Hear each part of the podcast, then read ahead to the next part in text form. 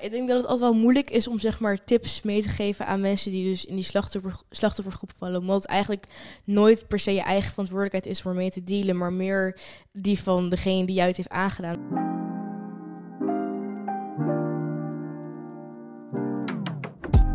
Welkom bij Bankhangen, de Jongerenambassadeurs podcast. Mijn naam is Veerle en ik ben jongerencoach bij Jongerenambassadeurs. Als MDT-project bieden wij jongeren de mogelijkheid om hun stem te laten horen door ze te koppelen aan een organisatie naar keuze. Zo vertegenwoordigen zij de mening van jongeren en maken zij maatschappelijke impact. In deze podcast nodig ik iedere aflevering gasten uit om in de huiskamer van jongerenambassadeurs met mij op de bank te hangen. Iedere aflevering ga ik in gesprek met een jongere en iemand die iets persoonlijks, informatief of inspirerends kan vertellen over het thema. In deze aflevering gaan we het hebben over grenzen en grensoverschrijdend gedrag. We bespreken wat het is, maar er worden ook ervaringen gedeeld en voorbeelden genoemd. Bij deze dus een trigger warning, mocht dit een gevoelig onderwerp voor je zijn.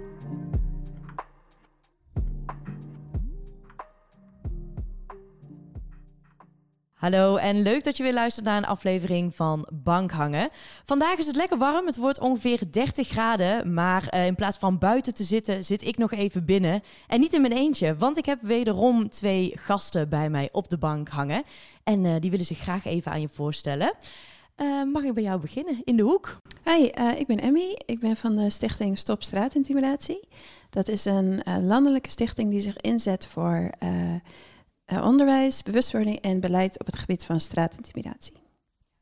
Super interessant, dankjewel. En wie zit er naast jou? Ja, ik ben Luna, ik ben net klaar met middelbare school met VWO en ik ben uh, jonge ambassadeur geweest voor Vizier. En dat is dus een discriminatiemeldpunt. Super interessant, leuk. Fijn dat jullie vandaag aansluiten en dat jullie met, uh, met mij in gesprek willen. Um, we beginnen altijd met een, uh, een, een, leuke vraag om er even in te komen. En dat is eigenlijk, ja, wanneer heb je voor het laatst op de bank gehangen? En wat uh, deed je toen? Luna. Nou ja, zoals je al zei, het is heel erg lekker weer. Hm. En ik heb een hele fijne loungebank buiten. Dus ik heb gisteren lekker in de zon op de bank gelegen buiten en gewoon muziek geluisterd. Dus dat was wel heel erg chill. Mm. Dat klinkt heel goed. En wat voor muziek? Wat uh, is je smaak? En laatst tijd luister ik heel veel hip-hop. Dus uh, ja. Oké, okay, tof. Heel ja. tof. Leuk. Mm. Emmy? Uh, ik heb gisteren, was het gisteren, eergisteren, um, op de bank gehangen en met mijn zus geappt. Die woont in Berlijn. We zijn eigenlijk heel veel aan het appen altijd. Dus heel gezellig. Leuk. Fijn dat dat ook kan, hè? Door, door WhatsApp dan voelt iedereen toch dichterbij. Ook al uh, zit je ergens anders dan... Uh... Ja, ze hadden laatst ook gemaild en ze zeiden ook allebei van... Jee, het is echt jaren geleden dat we een mailtje hebben gestuurd. We doen dat echt nooit. Dus, dat doe ik ook alleen voor werk, moet ik eigenlijk hmm. zeggen. Ja, mails is wel... Uh, ja. Heel, heel officieel voelt het dan ook. Ja, inderdaad. Leuk. Hey, um, super fijn dat jullie er zijn, nogmaals. Um, we hebben eigenlijk in iedere podcast een thema. En vandaag is het thema grenzen, grensoverschrijdend gedrag. En voordat we daarover hebben, wil ik eigenlijk eerst hebben over het begrip grenzen. Um, wat, wat betekent dat begrip voor jullie? Ja, ik denk dat het wel heel erg belangrijk is om dat inderdaad te definiëren. Want heel veel mensen denken gelijk daarbij aan hele heftige situaties, bij grensoverschrijdend gedrag. Maar eigenlijk is het veel breder dan dat, denk ik. En het hoeft niet per se eens fysiek te zijn, maar kan het ook verbaal zijn of online of zo. Dus het is best wel een breed begrip. En ik denk dat eigenlijk gewoon, omdat het zo apart is voor iedereen, dat het gewoon neerkomt op wanneer jij het gevoel hebt dat iets niet vrijwillig is. Of zonder instemming, of zodat je er fijn bij voelt, of voor mentale of fysieke pijn bij ervaart. Dus denk gewoon het moment waarop iemand jou letterlijk over jou grens heen gaat over wat jij prettig vindt.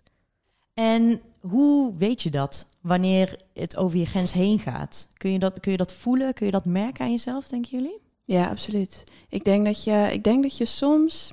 Het hangt er misschien ook erg vanaf waar je aan gewend bent. Want soms, als je in een situatie zit waar iemand heel vaak over je grenzen gaat, dan um, merk je het misschien niet meer zo. Of dan ben je niet van bewust dat er grens over wordt gaan. Of het is iemand die, uh, die tegen je zegt dat het normaal is, zeg maar. Uh, maar ik denk dat je absoluut, ik denk dat iedereen het gevoel kent van dat je gewoon je niet prettig voelt. Dat, er gewoon, dat je het gevoel hebt van er is iets mis. Ja. Kun je dat misschien beschrijven, Luna? Hoe, hoe voelt dat? Ja, ik denk dat het heel erg verschilt per situatie. En het kan soms denk ik gewoon gelijk gebeuren dat je echt door hebt in een situatie van... oh, ik voel me er echt niet fijn bij, maar ik voel me niet... ik voel niet de macht of uh, de kracht om er nu iets over te zeggen. Maar het kan ook pas achteraf voelen dat je misschien terugkomt of in bed ligt s'avonds en denkt van... oh, eigenlijk vond ik dat helemaal niet zo fijn. Eigenlijk heb ik daar helemaal niet van genoten zoals de bedoeling was. Dus ik denk eigenlijk gewoon een soort van realisatiemoment. Ja, je kan soms ook uh, jaren later dat je nog realiseren Kan ja, gebeuren, zeker. Ja, dat is wel een goede wat je daar ook zegt. Soms heb je meteen dat je een beetje dat onderbuikgevoel, hè, dat je ergens wel merkt, oh, dat, hm, dat zit niet helemaal lekker. Maar dat je ook inderdaad vaak achteraf pas denkt, hé, hey, die situatie, nu ik dat eens even nog hè, goed over nadenk, misschien was dat toch niet helemaal uh, zoals ik het uh, graag zou willen Ja. hebben. Ja. Ja, ook soms als je met andere mensen erover gaat praten of zo, of als je het vertelt, dat dan opeens dat inkikt van, oh, die andere persoon reageert eigenlijk heel anders op dan ik zou denken. En dat je dan opeens denkt, oké, dit ging eigenlijk wel over mijn grens heen. Dus het kan inderdaad pas veel later binnenkomen, ook door andere factoren. Ja, ehm, ik denk inderdaad, Rona, wat je zegt, van dat je soms kan er iets gebeuren en dan heb je het later met iemand over en die zegt dan bijvoorbeeld van, oh, ik vind dat echt heel heftig.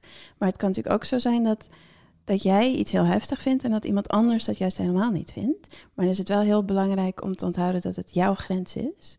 Um, en als iemand anders zijn grens ergens anders ligt, dat is niet relevant, weet je wel? Het is jouw grens. Uh, jij mag het bepalen en er is niemand anders die mag zeggen van nee, je mag die grens niet hebben of zo. Als we het hebben over grenzen en grensoverschrijdend gedrag, wat zijn dan situaties waarin dit voor zou kunnen komen? Bepaalde plekken of misschien bepaalde interacties met mensen? Hebben jullie daar een voorbeeld van? Ja, ik denk dat eigenlijk vrijwel overal wel kan gebeuren eigenlijk. Uh, vaak als we nu over praten in de media, dan gaat het wel vaak over seksuele gronden. Dus uh, bijvoorbeeld als je nu krijgt met mensen als Mark Overmars of Ali B, dat het echt gaat over foto's sturen of vervelende opmerkingen of zelfs echt lichamelijk uh, grensoverschrijdend gedrag. Maar het kan ook gewoon gebeuren op de werkvloer of misschien zelfs bij familie, het kerstdiner, gewoon eigen situatie waarin iemand uh, ja, een opmerking maakt of een lichamelijke handelingen uitvoert waarbij jij zoiets hebt van ja, dit is niet wat ik fijn vind. Ja, ik denk dat um, inderdaad zo'n situatie als een kerstdiner kan echt heel mm. ongemakkelijk worden. Ja. Uh, omdat het ook, weet je, je hebt verschillende familieleden bij elkaar en iedereen is, er zijn emoties bij betrokken. Dat is ook altijd lastig. En ik denk dat je bijvoorbeeld opmerkingen als um, Kijk, het kunnen hele kleine dingen zijn. Je kan zeggen dat het kan zijn dat je oma zegt van goh, uh, vorige keer dat ik je zag was je nog wel wat uh, slanker of zo, of zoiets. Weet je, of, of zou je nog wel een extra portie ijs nemen of wat, dan ook.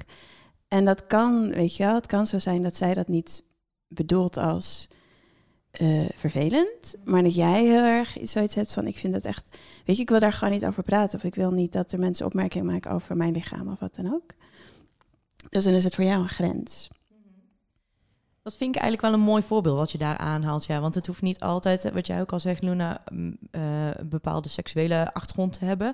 Um, maar het kan ook inderdaad misschien wel de vraag van, uh, goh, hoe staat het eigenlijk met je liefdesleven? Of, uh, oh nou, ben je nog steeds single? Dat, nu ik daar zo over nadenk, had ik ook niet eerder bedacht. Maar denk ik, oh, dat is eigenlijk ook best wel een, een vraag die een grens over kan gaan voor iemand. Als iemand daar zelf misschien wel heel erg mee bezig is of verdrietig over is. Of, um... Ja, een andere is ook, wanneer ga je kinderen krijgen? Als je niet weet wat iemand zijn situatie is, kan je het eigenlijk gewoon beter niet vragen. Want dat kan super pijnlijk zijn natuurlijk. Ja, mooie voorbeelden. Dankjewel. En hebben jullie um, misschien in je eigen omgeving uh, een, een, voorbeeld waarin je denkt, oh ja, dat ging echt wel of mijn grens over of iemand anders zijn grens. En uh, wat hebben jullie toen gedaan? Zou je daar iets over willen delen? Ja, nou, ik ben dus uh, een paar weken geleden naar Albufeira geweest als examenreis. Super stereotypisch natuurlijk. maar daar merk je wel, als we dan nu hebben over grensoverschrijdend gedrag op seksueel gebied, dat daar, als je daaruit gaat, dat het gewoon, je kan het eigenlijk bijna wel verwachten en gewoon al op voorbereiden. Dat je gewoon een aantal keer bij je kont wordt gegeven of bij je kruis, dat mensen eigen wat je niet fijn vindt, dat je wordt gefilmd allerlei scenario's die gewoon uh, je overkomen. En eigenlijk is daarin heel erg moeilijk om iemand aan te spreken. Uh, als je vraagt van wat heb je toen gedaan. Aangezien je weet, straks reageert iemand heel erg agressief. Of wordt hij heel erg boos. Of ziet hij zelf helemaal niet in dat het grensoverschrijdend is geweest. Dus dat is wel een heel duidelijk voorbeeld van hoe het eigenlijk heel erg genormaliseerd is ook. Zeker. Heb jij nog iets wat je wilde delen misschien, Emmy? Nou, ik had uh, toen die aflevering van Boos uitkwam. Paar maanden geleden, toen had ik een heel goed gesprek met een collega van mij daarover in onze werksituatie is het zeg maar zo dat, dat er een paar mannen zijn die soort van het leuk vinden om een beetje harde grappen te maken. En ik bedoel, dat is totaal niet slecht bedoeld. Maar uh, we hadden toen wel over van, is onze werk, werksituatie of ons, onze organisatie, is die er op berekend dat je dan dat kan zeggen. Weet je, als je dat vervelend vindt. Want dan is er zo'n groep, weet je, een groep collega's die dat inderdaad heel leuk en normaal vindt. En dan moet jij, zeg maar, als het voelt dan alsof jij als enige um, daar iets van moet gaan zeggen. En dat is dan best wel eng. Vooral als je bijvoorbeeld nieuw bent. Weet je, je bent net begonnen of je bent wel jonger dan iedereen of zo. Dus, um, dus ik vond het heel fijn dat we, dat we daarover hadden. Ja, ik wil daar nog wel even op inhaken, want um, ja, je hebt het nu over, erover praten met elkaar. Hè? Ik denk dat dat sowieso veel meer gebeurt uh, op dit moment in de maatschappij. Uh, wat jij ook net zegt, Luna, nou, je kan ervan uitgaan dat er iets gebeurt. Ik denk, nou, ik ben dan nu 29. Toen ik vroeger op stap ging, inderdaad, je ging ervan uit, er wordt wel een paar keer tegen je kont aangekletst. Of je wordt even vastgegrepen terwijl je denkt, nou, er is meer dan anderhalve meter tussen ons, dus je hoeft er volgens mij niet zo dicht langs mij te lopen. Merken jullie dat ook? Dat er nu meer over wordt gepraat, maar dat er ook meer... Mm, nou misschien nog niet tegen wordt gedaan, maar dat we wel bij elkaar kunnen zeggen van goh, eigenlijk is dat helemaal niet zo normaal als dat we altijd dachten. Ja, ik denk wel dat in de eerste stap erin sowieso bewustwording is. En misschien hoe dat zeg maar vroeger gebeurde en je was van oké, ja prima.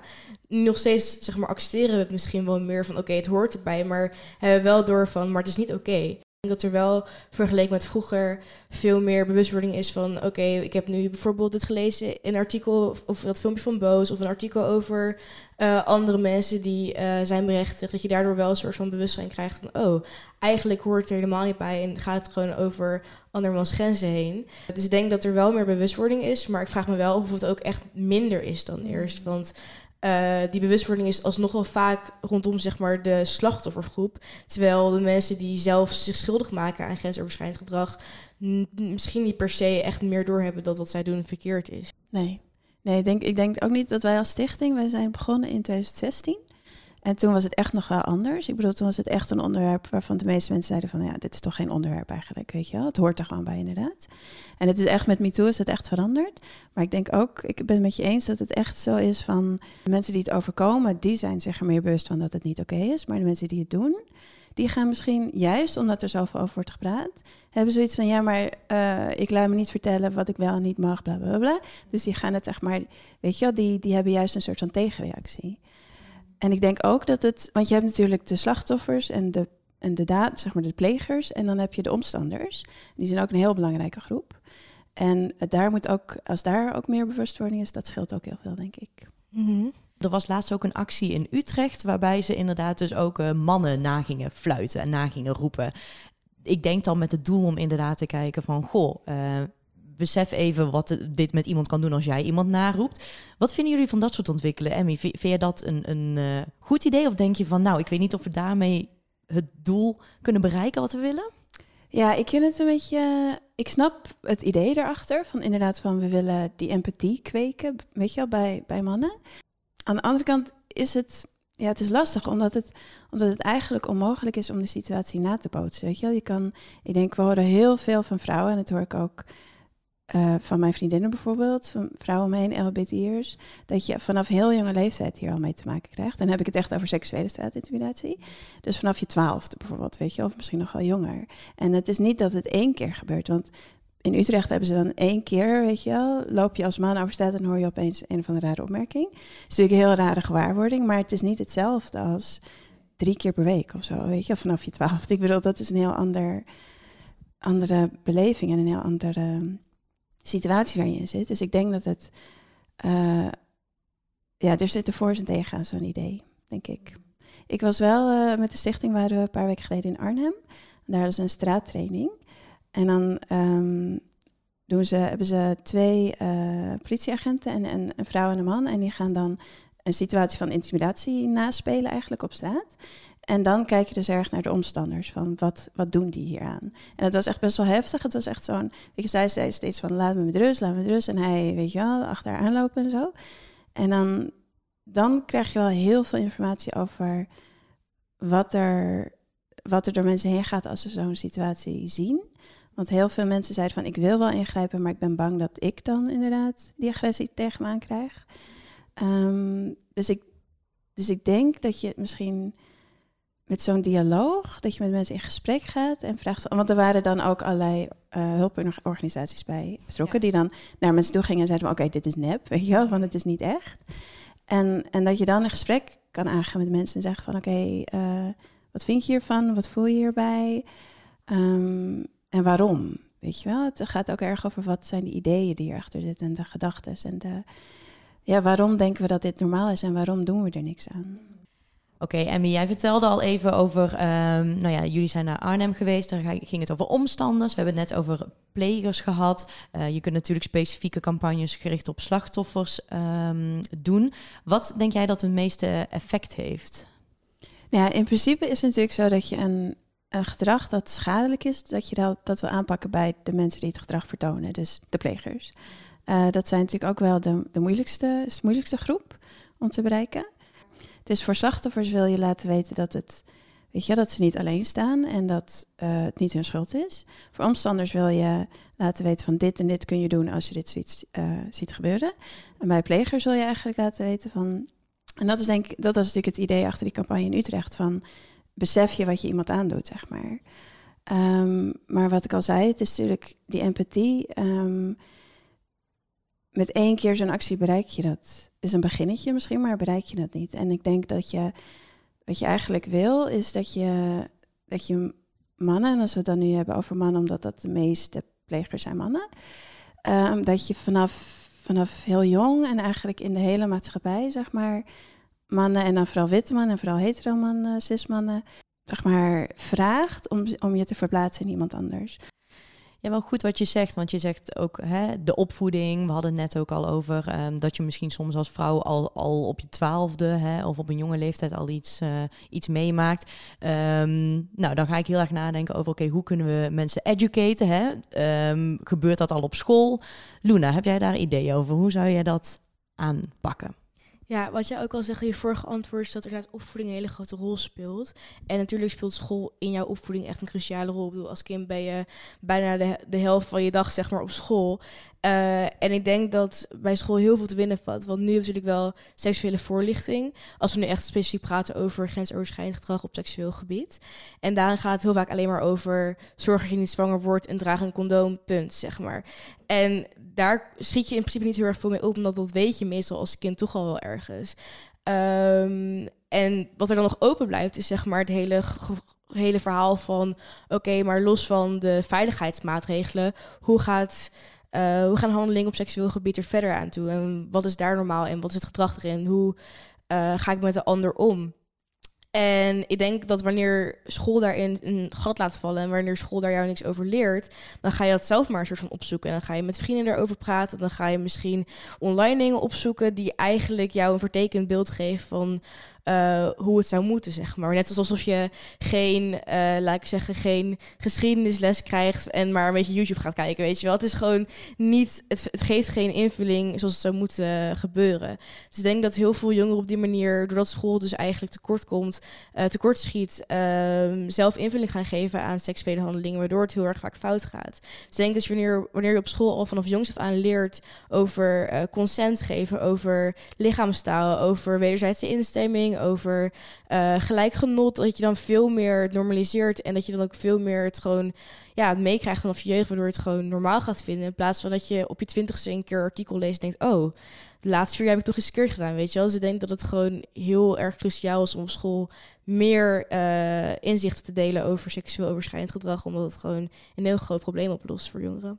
En als we het hebben over grenzen specifiek, als ik terugdenk aan mijn middelbare school, hebben wij het daar nooit over gehad. Hè? Een stukje, sowieso denk ik wel vaker van vakken, goh, hadden we dat niet beter kunnen vervangen door iets anders. Hè? Maar um, we hebben het eigenlijk nooit gehad over, goh, hoe voel je je ergens bij? Wat is je grens? Ik weet wel, uh, mijn zusje is toevallig kleuterjuf en die hebben altijd, stop, hou op, ik vind het niet meer leuk. Hebben wij het verder nooit meer over gehad? Zou zoiets bijvoorbeeld ook nog, uh, bijvoorbeeld in het vak burgerschap of zo, terug moeten komen, denk je? Ja, ik denk, ik denk, ja, dat je natuurlijk wel op de basisschool een beetje van stop hou op. En dan, dan praat je toch gewoon meer over waarom bijvoorbeeld van, oh, uh, welk cijfer geef je aan je pauze, weet je wel. Dat soort dingen, dat je een beetje praat over je emoties en zo. Maar dat gaat dan heel snel wel verloren omdat je tien bent geworden. Dus ik denk dat het inderdaad bij de, middelbare school wel veel meer ruimte kan krijgen, inderdaad bij burgerschap of zo. Uh, om gewoon te hebben over, ja, emoties en grenzen. En dat komt nu echt totaal niet voor eigenlijk. En als het voorkomt, dan is het misschien een keer één mini-alinea binnen een mini-paragraaf, zeg maar. Dus ik denk dat er inderdaad veel meer aandacht aan gegeven kan worden. Ja, ik denk ook uh, dat, dat het uh, seksueel verschijnend gedrag gaat niet over seks. Weet je, het gaat over macht. Dus ik denk dat je bij een vak als burgerschap misschien daar ook... heb je natuurlijk over hoe zit de maatschappij in elkaar, weet je wel. Wie heeft de macht en wie niet. Ehm, dus ik denk dat het daar goed in zou passen. Zeker. En dat je dan ook misschien kan laten zien van dat de grote, weet ik heel grote dingen in de maatschappij ook op straat leven. Weet je, dat het eigenlijk hetzelfde is. Want Emmy, zie jij veel betrokkenheid van jongeren binnen bijvoorbeeld stopstraatintimidatie? Ja, wij krijgen heel veel uh, aanvragen van studenten. Um, die op hun opleiding, HBO of WO of wat dan ook, welke opleiding ze ook doen, dat ze dan uh, uh, een vak volgen waar ze een, een maatschappelijk uh, probleem moeten bespreken. Bijvoorbeeld, dan krijgen, komen ze heel vaak bij ons terecht omdat ze hierover willen, willen praten. Dus dat is op zich heel positief. Dus ik denk dat, je, dat er echt een, een soort van um, de mensen, of de jonge mensen van nu, die er inderdaad veel meer bewust van zijn. Hier volgt een reclameblok voor alle luisteraars die graag impact willen maken. We kennen het allemaal en horen het veel te vaak. Politici, bedrijven, organisaties die meer jongeren willen bereiken en betrekken, maar nooit echt tijd investeren om dit waar te maken. Mooie praatjes, maar weinig actie. Maar met jongerenambassadeurs is dat verleden tijd. Jij gaat als jongerenambassadeur de stem van jongeren vertegenwoordigen bij een droomplek die bij jou past. Nooit meer oude mensen die voor jou bepalen wat jij belangrijk vindt. Want je krijgt zelf een plek aan de tafel. Altijd al advies willen geven, evenementen willen organiseren of een social media campagne willen opzetten? De mogelijkheden zijn eindeloos. Waarvoor wil jij je stem laten horen? Klimaat, mensenrechten, educatie, veiligheid, politiek, kunst, cultuur of wetenschap? Maak jij een regionale impact? Schud jij heel Nederland wakker? Of wil jij internationale allure? Het is ongelooflijk, maar waar. Jij bent slechts één aanmeldformulier verwijderd van de kans om jongeren een stem te geven. Dus waar wacht je nog op? App of bel nu naar 06 1853 0825. En als je nu contact opneemt, krijg je gratis karmapunten erbij. Wie wil dat nou niet? Jonge ambassadeurs is niet aansprakelijk wanneer de desbetreffende jonge ambassadeur na een traject maatschappelijke impact wil blijven maken. Die stem blijvend laat horen en ervaringen wil delen met andere jongeren, om zo de wereld jongerenproef te maken. We hadden het net al even over school en dat inderdaad school uh, bepaalde gebieden in zou kunnen springen om uh, leerlingen, nou ja, kennis en informatie hierover te geven. Nou weten we natuurlijk ook dat heel veel jongeren en sowieso heel veel mensen eigenlijk continu op hun telefoon zitten, veel op social media. We noemden net al even MeToo, is natuurlijk ook enorm via social media uh, nou ja, deze kant op gekomen. Zien jullie daar ook nog een bepaalde rol uh, om mensen dus meer bewust te maken van, goh, wat is het nou? Wat kun je ermee uh, doen? Wat kun je er tegen doen? Hebben jullie daar ideeën over? Ja, ik denk dat wij absoluut heel veel gebruik maken van social media. Het is natuurlijk een hele goede manier om mensen te bereiken. En ik denk ook dat, dat het internet in het algemeen is een plek waar, waar je gelijkgestemde mensen kan vinden, zeg maar. Weet je, ik denk dat heel veel mensen die um, misschien voor, voor het internet, uh, heel vroeger, uh, zeg maar, zich heel alleen voelden op het internet. Uh, ja, mensen hebben gevonden die hetzelfde gedachten hebben of dezelfde ervaringen. Um, dat heeft natuurlijk een, goede zijde en een, en een slechte. Ik bedoel, je kan ook, je ziet ook heel vaak als je in de comments kijkt op nu.nl nu of wat dan ook, um, dat ook iedereen die dit allemaal maar gewoon onzin vindt, elkaar ook vindt, weet je, en elkaar ophitst. En ik had uh, een tijdje geleden, wij werden geïnterviewd door nu.nl en, en alle comments waren eigenlijk van hou je mond gewoon en wat is het nou voor gezeik. Wat je dus, wat je dus vaak ziet is dat, op het, dat het internet geen geïsoleerde plek is die losstaat van, van de maatschappij. Het is, het, weet je, is hetzelfde. Dus je ziet op het internet zie je dezelfde machtsverhoudingen, je ziet hetzelfde, dezelfde agressie ook heel vaak. En misschien zie je er nog wel meer omdat er minder consequenties zijn. Uh, maar ik denk dat je ook veel meer ziet dat mensen, ook als ze wel gewoon met hun naam online staan, ook dat soort dingen gewoon durven te roepen. Ja, en ik denk dat, dat, uh, dat de politie, de overheid daarin nog een beetje achterloopt. Dat, ze, dat er nog vaak het idee is van uh, het internet is niet echt. Weet je wel, het is, het is zeg maar wat je zegt op het internet, ja, dat is, dat is gewoon geroepen, daar moet je niet op letten en het maakt niet uit. Maar het is als jij honderd uh, keer per dag te horen krijgt dat je verkracht en vermoord moet worden, dan doet het echt wel iets met je. Dus daar moet veel meer op gelet worden, vind ik. Mhm. Ja, ik denk ook zeker dat internet misschien wel een deel kan zijn van de oplossing, zoals je al vroeg, maar ook zeker een heel groot deel is van het probleem, inderdaad. Omdat daar inderdaad veel minder monitoring is en veel minder controle. eh, en eigenlijk heel veel dingen gewoon zo vrije gang kunnen gaan. En soms dingen wel verwijderd worden, maar dan ook echt na een week, zeg maar. Dus het is best wel een groot gevaar. En ook wat ik net zei over onderwijs, denk dat heel veel jongeren toch een soort van verheerlijking van grensoverschrijdend gedrag kunnen vinden op internet, op YouTube, op nog meer obscure sites, dat je daar echt van alles kan vinden wat zeg maar in contrast staat met het, ehm, het beeld dat zeg maar consent normaal is en dat instemming normaal is. Dus ik denk dat het eigenlijk meer kwaad dan goed is in die zin eh, op dit thema gericht.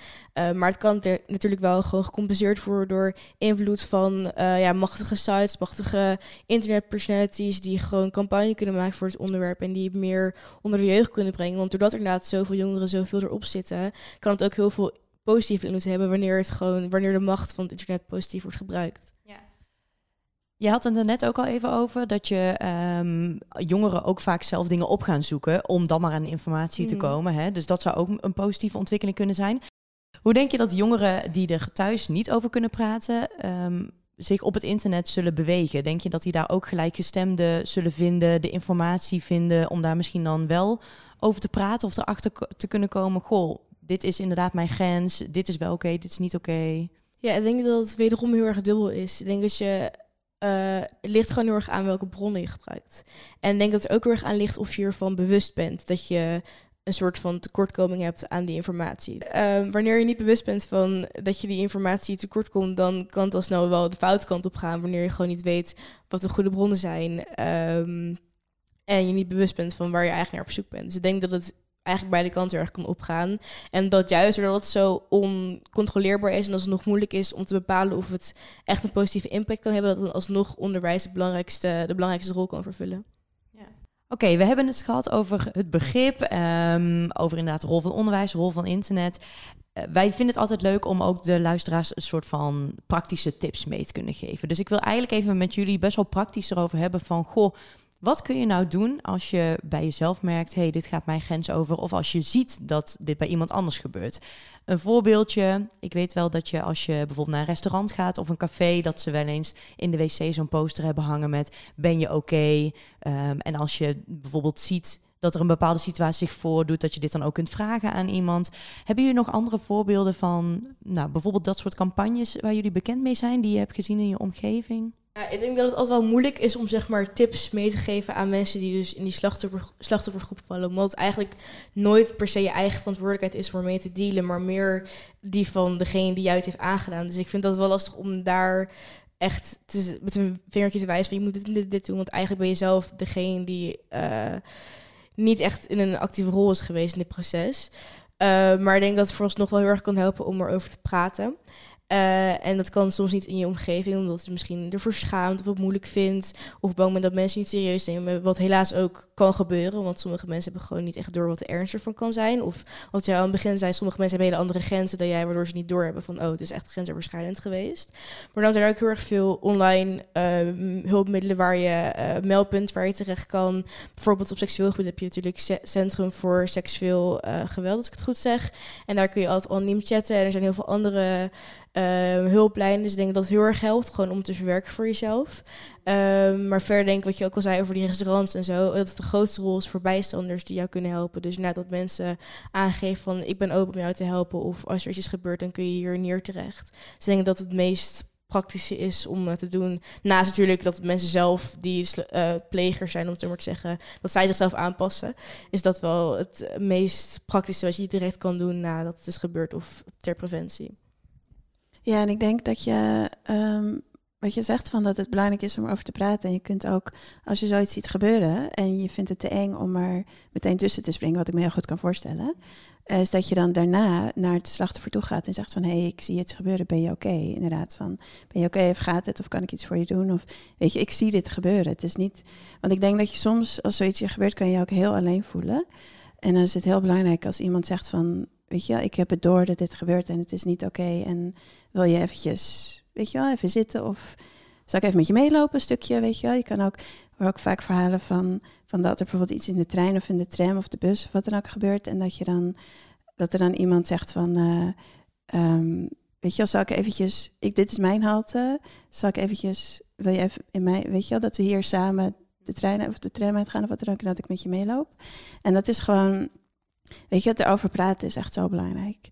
En eh, dat is belangrijk om er zelf mee om te gaan, maar het is ook heel belangrijk dat het gewoon een onderwerp is waarvan we allemaal weten dat het gebeurt. Net als, weet je wel, eh, dat je telefoon wordt gestolen of zo. Ja, dat kan gebeuren, dat weet iedereen. Dus uh, dat het geen taboe is. Dat het gewoon. En ik denk ook dat als we het hebben over plegers, dat je ook. Die leven natuurlijk ook niet in isolatie. Weet je, als jij constant van je. Of constant, of als je gewoon een paar keer van je vrienden hoort van hé, hey, dit is geen oké gedrag. Of dat gewoon die. Dat het normale eraf gaat. En dat je. Als jij constant van de mensen om je heen hoort van dit is niet normaal, dan ga je het zelf ook minder doen. Want dan, dan heb je ook zelf meer door van, oh, dit is, weet je, het is niet oké en het is niet grappig en het is niet normaal. Vind ik eigenlijk wel grappig om te horen, want eerder hebben we het over het gedrag is eigenlijk best wel genormaliseerd. Hè? Dat vinden we in veel uh, gevallen normaal, vonden we in ieder geval. Er ligt inderdaad ook wel soms een taboe om erover te praten. Dus dat is een soort van bijzondere tegenstelling. Hoe zouden jullie de luisteraar um, wat zouden jullie aanraden om erover te praten? Bijvoorbeeld op je werk of met je vrienden. Hoe, hoe ga je dit onderwerp introduceren?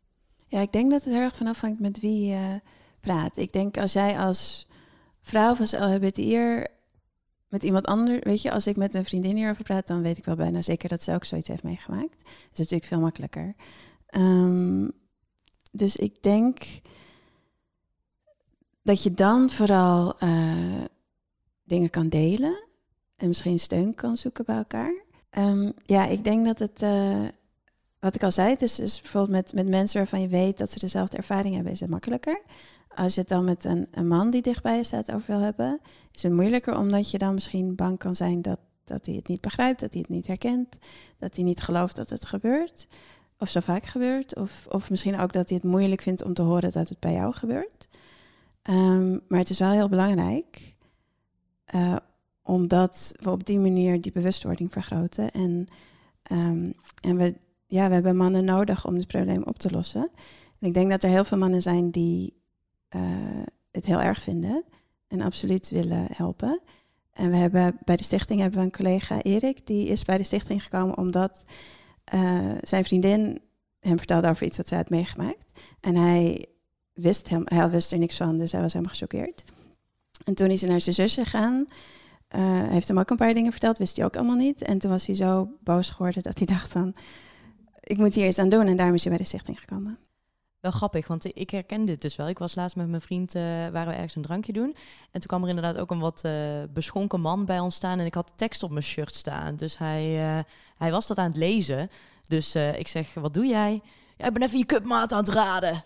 Nou, en zeg maar, dat was ook een grapje. En hij was natuurlijk wat, wat beschonken, maar toen liep hij weg. En toen zei mijn vriend, nou, dat was zo raar. Ik wilde er iets van zeggen, maar ja, ik was ook, ik was ook eigenlijk helemaal in shock dat ik het eigenlijk niet kon. Sorry. Ik zeg, nou ja, eh, voor jouw uh, idee, dit gebeurt zo vaak dat ik er niet eens meer van opkijk.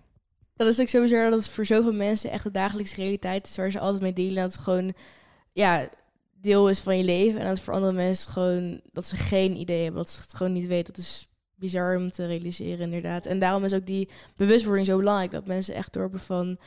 Dit is een ervaring die door heel veel mensen wordt gedeeld. En daarom moet er echt iets aan gedaan worden. Ja, het is heel raar dat, dat de ene helft van de bevolking vindt het super normaal. De andere helft heeft geen idee dat het überhaupt bestaat. Dat is echt heel raar. Want Luna, ik ben wel benieuwd. Um, het is natuurlijk best wel een, een, spannend onderwerp misschien ook. Ik weet nog dat een, een hele tijd geleden voor MeToo kwam Milou delen toen met een, uh, een filmpje ook over slutshaming en grensoverschrijdend. En uh, nou, tot hier en niet verder, zei zij eigenlijk. Bij mij in de studentenhuizen, omgeving, werd er een beetje op gereageerd van, nou, eh, stel je niet zo aan, bla bla bla. Hoe merk jij dat in jouw omgeving? Hoe praten jongeren hierover? Praten jongens hierover? Praten jullie er samen over? Kun je daar ons iets over vertellen? Ja, ik denk wel dat het wel veel normaler is geworden om het erover te hebben. Maar ik denk dat het nog steeds heel erg verschilt tussen, uh, om het even heel uh, algemeen te nemen meiden en jongens. Ik denk dat het voor jongens nog best wel vaak lachwekkend is of iets waar dan grappen over worden gemaakt. En ik denk ook, dat merk ik ook wel in mijn omgeving, als er zeg maar een jongen is die er wel iets van zegt en die wel zegt van hé, hey, um, kijk eens met je gedrag en um, die een beetje daar bewustwording over wil creëren, dat hij vaak wordt uitgelachen of wordt gezien van oh, uh, je doet maar alsof, weet je wel, en dat soms zelfs wordt gezien als een flirttechniek. Zo van oh, jij wil zeg maar jezelf bewust voordoen alleen maar om vervolgens meer uh, empathie van meisjes te wekken, weet je wel. Dus eigenlijk is het voor mijn gevoel, bedoel, ik ben natuurlijk geen ervaringskundige, ik ben geen jongen, maar ik kan wel van mijn, wat ik zie wel zeggen dat het bij jongens nog helemaal niet is van uh, dat het heel cool is of zo om uh, consent te vragen bijvoorbeeld. En dat het vaak juist het tegenovergestelde is. Dat er wordt gezien nog steeds van, uh, oh, hoeveel meisjes heb jij gepakt? En dat het echt wordt gezien als, dat jongens onder elkaar worden gezien als een soort van rover of zo. En meiden als prooi. Dat is echt nog steeds heel erg, ja, hoe het voor heel veel mensen in elkaar steekt. Maar denk onder meiden wel ook vooral na zeg maar afgelopen jaren was in de media vertoond dat wel veel normaler is geworden om met elkaar over te hebben en ervaringen te delen en zo. En vaak merk ik wel wat eigenlijk heel pijnlijk is, maar ook wel een soort van steun geeft als je een groep meiden bent en iemand begint opeens te praten over een ervaring die zij heeft meegemaakt met overschrijdend gedrag dat iedereen is van oh ja, heb ik ook meegemaakt. Dat is eigenlijk heel gek, want je denkt van huh, dat is toch niet normaal dat we allemaal zo'n ervaring hebben, maar dat geeft ook een soort van ja, steun, een soort van um, ja, een soort van zorg naar elkaar. Van oh ja, je hebt het niet verdiend. Het is, het is niet jouw schuld, weet je wel.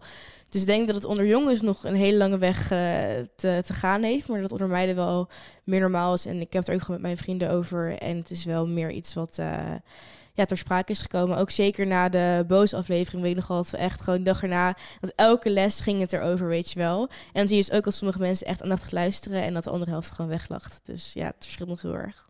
Misschien blijven we dat ook altijd wel houden. Dat heb je over natuurlijk heel veel uh, onderwerpen. Ja, we sluiten onze ja, afleveringen eigenlijk altijd af met de vraag: Goh, met wie zou jij nou willen bankhangen om over dit specifieke onderwerp te praten? Emmy, heb jij daar een idee uh, bij? Ja, ik zou heel graag willen bankhangen met uh, Tatjana Fazlalizadeh. Dat is een Amerikaanse uh, kunstenaar, schrijver en activist. En zij heeft um, um, een project uh, gemaakt. Het heet Stop Telling Women to Smile. En wat zij doet is praat met vrouwen met van allerlei achtergronden over staatintimidatie. En dan maakt ze een portret van hun. En dan vraagt van wat zou je willen zeggen tegen de, de mensen die je uh, intimideren of die je lastigvallen. En dan zet ze die quote zet ze onder portret, portret. En dat is dan een, uh, maakt ze er een poster van en dat is dan, hangt ze dan overal op, zeg maar, in een buurt. En dan heeft ze, heeft heel veel verschillende. En dan uh, zie je dus, als je over straat loopt, zie je dus uh, het gezicht van een vrouw die tegen jou zegt van, weet je wel, dit is niet oké of behandel me niet zo of wat dan ook. En het is een heel, ze heeft er ook een boek over geschreven. En het is ook een heel mooi boek, gaat ook erg over haar eigen ervaringen en, en over haar eigen. Wat, wat voor impact het heeft gehad op haar eigen kijk op zichzelf, ook in haar eigen lichaam. En het is een heel mooi boek. En ik zou er heel graag met haar meer over willen praten. Want ik vind het ook heel bijzonder dat ze als, als kunstenaar ook uh, zo'n sociaal onderwerp uh, behandelt. En het heeft echt heel veel impact gehad. Het is heel mooi. Wat tof. Ook meteen een goede tip voor de luisteraar. Ja, dat vind absoluut. ik wel heel leuk. En de titel vind ik ook heel mooi. Want ik moest meteen denken aan gewoon dat je in de kroeg staat en dat dan inderdaad vaak wordt gezegd: hey, waarom lach je niet? Dat ik soms tegen vriendinnen zei: ik playback altijd maar, want dan kunnen ze nooit zeggen: je lacht niet, want ik ben heel druk met playbacken. Dus, uh, maar goed, heel interessant. Ja. Luna, met wie zou jij willen bankhangen? Ja, het is wel grappig, want ik heb eigenlijk wel zo'n gelijk antwoord. Ook een schrijver van een boek, dat ook een uh, activist is. Ze heet Florence Given van Women Don't Owe You Pretty. Het is ook zo'n ja, gelijk, gelijkgestemde leuze eigenlijk. En zij, is, uh, ja, zij heeft dus het boek geschreven en is ook heel erg actief binnen de beweging tegen straatintimidatie, maar gewoon feminisme in het algemeen eigenlijk. En wat ik heel erg interessant aan haar vind, is dat ze heel erg um, seksueel misbruik en grensoverschrijdend gedrag in een heel erg breed kader stelt. Dus zij zegt niet alleen zoals wij heel vaak nog denken van... oh, je moet alleen maar verkrachten als je in de bosjes van je fiets bent getrokken... en vervolgens iets heel naars is gebeurd. Maar het is eigenlijk veel normaler in de hele samenleving op heel veel uh, spectrum, zeg maar. Dus dat het een veel breder geheel is uh, van zeg maar, een schaal van erg tot minder erg... maar die wel allemaal uh, met elkaar in verbinding staan, om het zo maar te zeggen. Dus zij is daar best wel, uh, vind ik heel erg interessant en heeft best wel ja, uh, belangrijke standpunt. Want door zeg maar dat te begrijpen, realiseer je ook dat eh, alles wat wij normaal vinden, alles, zeg maar, wat ik ook net zei over het hele idee van de vrouw is prooi en dan moet haar, is de jager, moet haar veroveren en zo. Zeg maar dat soort denkbeelden en veel meer denkbeelden en onderwijs en internet en dat onze hele maatschappij, dat het allemaal kan leiden tot uh, grensoverschrijdend gedrag en ook vooral op seksueel gebied. Dus ik denk dat wat ik aan haar interessant vind, is gewoon dat ze dat heel erg uh, met elkaar in samen uh, in verband met elkaar brengt. En gewoon heel erg ons laat zien dat we heel veel dingen normaal vinden en heel veel dingen accepteren en grappig vinden zelfs, die eigenlijk leiden tot minder grappige, leuke dingen. Wauw, twee hele inspirerende gasten gaan jullie op de bank uh, hebben. Ja, heel mooi. Ik vond jullie ook enorm inspirerend. Ik vond het erg leuk om met jullie over dit, uh, dit onderwerp te kletsen. Het is, uh, nou ja, een, een kwetsbaar onderwerp, een lastig onderwerp. Maar ik denk dat we ook, nou ja, in dit gesprek hebben laten horen dat het ook om kleinere opmerkingen kan gaan. Dat het ook om kleinere situaties kan gaan. Dus ook aan jou als luisteraar wil ik meegeven van... als je merkt, dit gaat over mijn grens heen... dan is dat jouw grens. En dat maakt niet uit inderdaad eh, of dat ook iemand anders grens is. Probeer erover te praten, deel je ervaringen... en uh, weet dat je niet alleen uh, bent daarin. Bedankt voor het luisteren.